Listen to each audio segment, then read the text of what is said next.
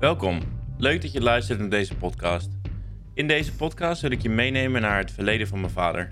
Het verleden wat ik zelf ook niet zo goed ken. Ik ben Jan Roktes en dit is een podcast over mijn vader, Jan Roktes senior.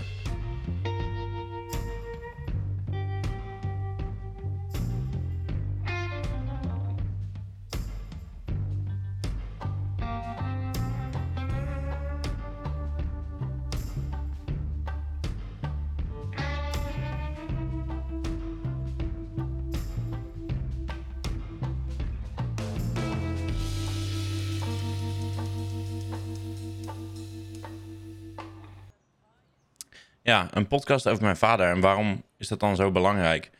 Nou ja, allereerst is het zo dat mijn vader helaas dit jaar is overleden. Lang ziektebed, eh, het grote K-woord zat erin. Maar tijdens zijn leven was dit eigenlijk nooit een bespreekbaar onderwerp. Gek genoeg waren andere dingen altijd wel bespreekbaar, maar wat daar is gebeurd in Tsjechië toen der tijd, daar ja, kwam ik uh, nooit op een antwoord met hem. Maar allereerst een klein beetje geschiedenis van wie hij nou precies was. Mijn vader is opgegroeid in Schiedam. Hij is ook geboren in Schiedam. In de oorlog in 1943. In het kleine huisje in de Gorze woonde hij samen met uh, mijn oma, opa en zijn twee broers Joop en Piet. Mijn vader was de jongste van het stel. Ik zou een aparte podcast kunnen opnemen wat daar allemaal heeft plaatsgevonden in dat kleine huisje in Schiedam. Maar ik wil graag de focus leggen op zijn latere leven. Op zijn zeventiende moest mijn vader in dienst. Na zijn keuring kwam hij terecht bij het Korps Mariniers. Iets waar hij later met heel veel trots en plezier op terugkeek. Op vrij jonge leeftijd ontmoette hij zijn vrouw en kreeg hij twee dochters, Nora en Nathalie. Na enige tijd in het westen van het land te hebben gebivakkeerd, verhuisde het bedrijf Pacton naar Omme en het gezin Roktes ging erachteraan. In Omme bij Pacton leerde mijn vader zijn uh, toekomstige vrouw kennen, namelijk mijn moeder, Francine, zijn toenmalige secretaresse. En in 1989 werd ik geboren. Dat wat betreft het verre verleden. En dan nu naar de reden voor deze podcast. Ja, want jullie zijn natuurlijk allemaal nieuwsgierig wat er nou precies gebeurd is. En uh, ja, ik dus ook. Vandaar deze podcast. Ik weet dus ook niet waar we gaan eindigen. En ik weet ook niet waar ik naartoe word geleid. Ik vermoed dat ik op een zeker moment mezelf ga terugvinden in Brno in Tsjechië. Maar daar kom ik later nog wel op terug. Mijn vader werkte voor Pacton. Hij was hier hoofdinkoop. En in 2000 ging hij met de fit. Hij was 55 op dat moment en hij vond het nog. En het was nog geen tijd om te stoppen met werken. Dus begon hij zijn eigen bedrijf. Genaamd Roodtrak. Roktes en trailers of zo. Ik weet niet precies waar dat vandaan kwam, maar Roodtrak in ieder geval.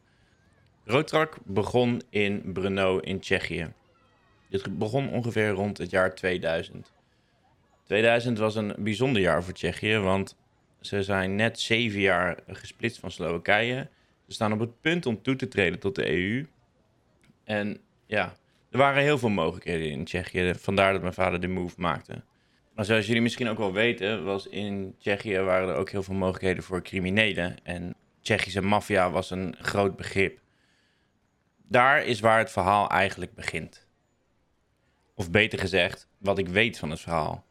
Mijn vader die uh, begon dus in Brno in Tsjechië. En hij begon daar met een bedrijfje wat staal sneed voor trailers. Trailerbouw, dat was hij gewend, dat kende hij. En staal was een goedkoop product en vooral een mensenkracht was vrij goedkoop in Tsjechië. Hij is daar samen gaan werken met een ander bedrijf en hier voer ene Milos de directie. Milos had weer een zoon of een neef, dat weet ik niet eens. En uh, die zoon die heette Honza, of neef dus. En Honza uh, had gestudeerd aan de universiteit en die stond open voor werk. En omdat mijn vader Milos vertrouwde, nam hij Honza in dienst. Als Nederlander kon je niet aan het hoofd staan van je bedrijf in Tsjechië. Daarvoor kwam Honza. Dus Honza was in die zin de CEO van Roodtrak. Puntje bij paaltje, uh, een, enige tijd verder in de crisis, toen ze uh, ten onder gingen met het bedrijf, bleek er van alles mis te zijn met de financiën. Er gingen verhalen rond dat er anderhalf miljoen euro was gestolen uit het bedrijf. En dit zal Honza op zijn geweten hebben gehad. Nou goed, daar weet ik dus niet zoveel van en dat wil ik dus onderzoeken. Dingen die ik wel weet. Bijvoorbeeld, na een tijdje, Honza die is namelijk veroordeeld voor drie jaar celstraf en mijn vader voor drie jaar voorwaardelijke celstraf. Wie de aanklager is, geen idee. Waarom er is aangeklaagd, geen idee. Ehm, dus ja, dat gaan we onderzoeken in deze podcast. Maar na drie jaar kreeg ik op Facebook een berichtje van een Honza Ruduletsky die mij aanschreef. En die was nogal boos. En die beschuldigde mijn vader van, uh, van alles en nog wat. En hoop dat hij doodging. Uh, dat soort uh, teksten. Ik had het berichtje genegeerd. Ik heb het ook niet aan mijn ouders verteld, omdat het nogal een pijnlijk onderwerp was. Maar later ging ik er eens op terug. Toen heb ik Honza weer aangeschreven. En hij zei: Ja, sorry, ik was toen erg boos. Maar als je meer wil weten, neem dan een keer contact met me op. Um, dat is al een tijdje terug. Ik was wat jonger en ik vond het een beetje eng, dus ik heb dat nooit gedaan. Maar goed, uh, daar heb ik nu een beetje spijt van, want ik kan Honza niet meer vinden. Dus als iemand uh, enige informatie heeft over een Honza Rudoletsky, laat mij het weten. Uh, wat ik wel weet is dat in Tsjechië zeggen ze Honza, maar schrijven ze Jan. Zover ik weet. Dus de derde Jan is geïntroduceerd in het verhaal. Oké, even terug bij af. Um, zoals je misschien merkt, um, zit ik vol met informatie, of tenminste uh, niet gek veel informatie, want ik weet niet zoveel, maar uh, mijn hoofd schiet alle kanten op bij het uh, opsommen van dit verhaal. Ik probeer het gewoon zo gestructureerd mogelijk voor jullie te maken, maar ja, ik weet ook bijzonder weinig. Honza is dus in een proces veroordeeld voor drie jaar celstraf. Hij heeft ook drie jaar celstraf uitgezeten, zover ik weet. Mijn vader zei toen de tijd dat het niet verstandig was met mijn naam. Ik heet immers ook Jan Roktes dat het niet zo handig was om naar Tsjechië toe te gaan. Dat was voor mij alarmbel nummer één van, ja, als je voorwaardelijke celstraf hebt, waarom zou ik dan niet naar binnen mogen? Dus dat vond ik al een heel vreemd principe. Daarnaast uh, herinner ik mij een paar bezoekjes aan Tsjechië waarbij ik hele bijzondere dingen heb meegemaakt. Het allereerste daarvan is in het Bobby Hotel. Het Bobby Hotel in Brno staat bekend als een gangsterhotel. Ik herinner mij ook gewoon bijzonder uh, onaangename types met leren jassen en bobbels in hun broek, wat waarschijnlijk geen telefoon was. We hebben daar een paar keer in de lobby een afspraak gehad met wat mensen en onder andere ook met die Milos. Ik vond het een heel aparte setting, een heel schimmige sfeer. Maar dat is nog niet eens de allergrootste alarmbel die ik aan over heb gehouden.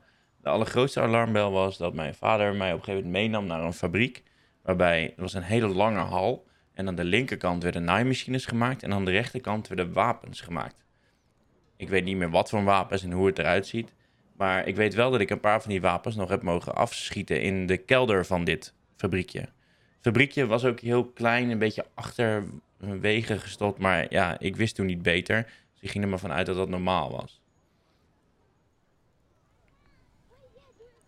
Ja, ik heb dus nog een hoop uit te zoeken, maar dat kan ik niet alleen. Dus ik heb echt hulp nodig van de luisteraar. Dus um, weet jij dingen van Brno in specifiek, Tsjechië in die tijd. Het gaat dan om de periode 2000 tot 2008. Dan uh, kun je me enorm helpen. Ik vermoed ook dat ik in de komende tijd mezelf ook zal verplaatsen naar Tsjechië om daar het een en ander uit te zoeken. En ik zal natuurlijk ook gewoon uh, mijn uiterste best doen om bijvoorbeeld Honza te vinden en zijn verhaal te horen. En dat wil ik dan ook heel graag met jullie delen. Uh, dus nogmaals, hij heet Honza Ruduletsky, kan Jan Ruduletsky ook zijn. Uh, en zijn uh, oom was het volgens mij, heette Milos. Dan is dit uh, de eerste aflevering van het verleden van mijn vader. De, ik vermoed dat de volgende afleveringen wat langer van stof zullen zijn. Hopelijk met wat interviews hier en daar. Mocht jij nou informatie hebben die mij zou kunnen helpen, kun je dat dan mailen naar roctusj.gmail.com. Roctus spel je R-O-C-T-U-S. Daar dank ik je alvast enorm voor. En ik zie er naar uit om de volgende podcast-serie weer op te nemen. En ja, dank voor het luisteren. Ben je enthousiast geworden van deze podcast? Laat het dan even weten. Schrijf een review of mail mij gewoon. Dat zou ik enorm waarderen. Dankjewel.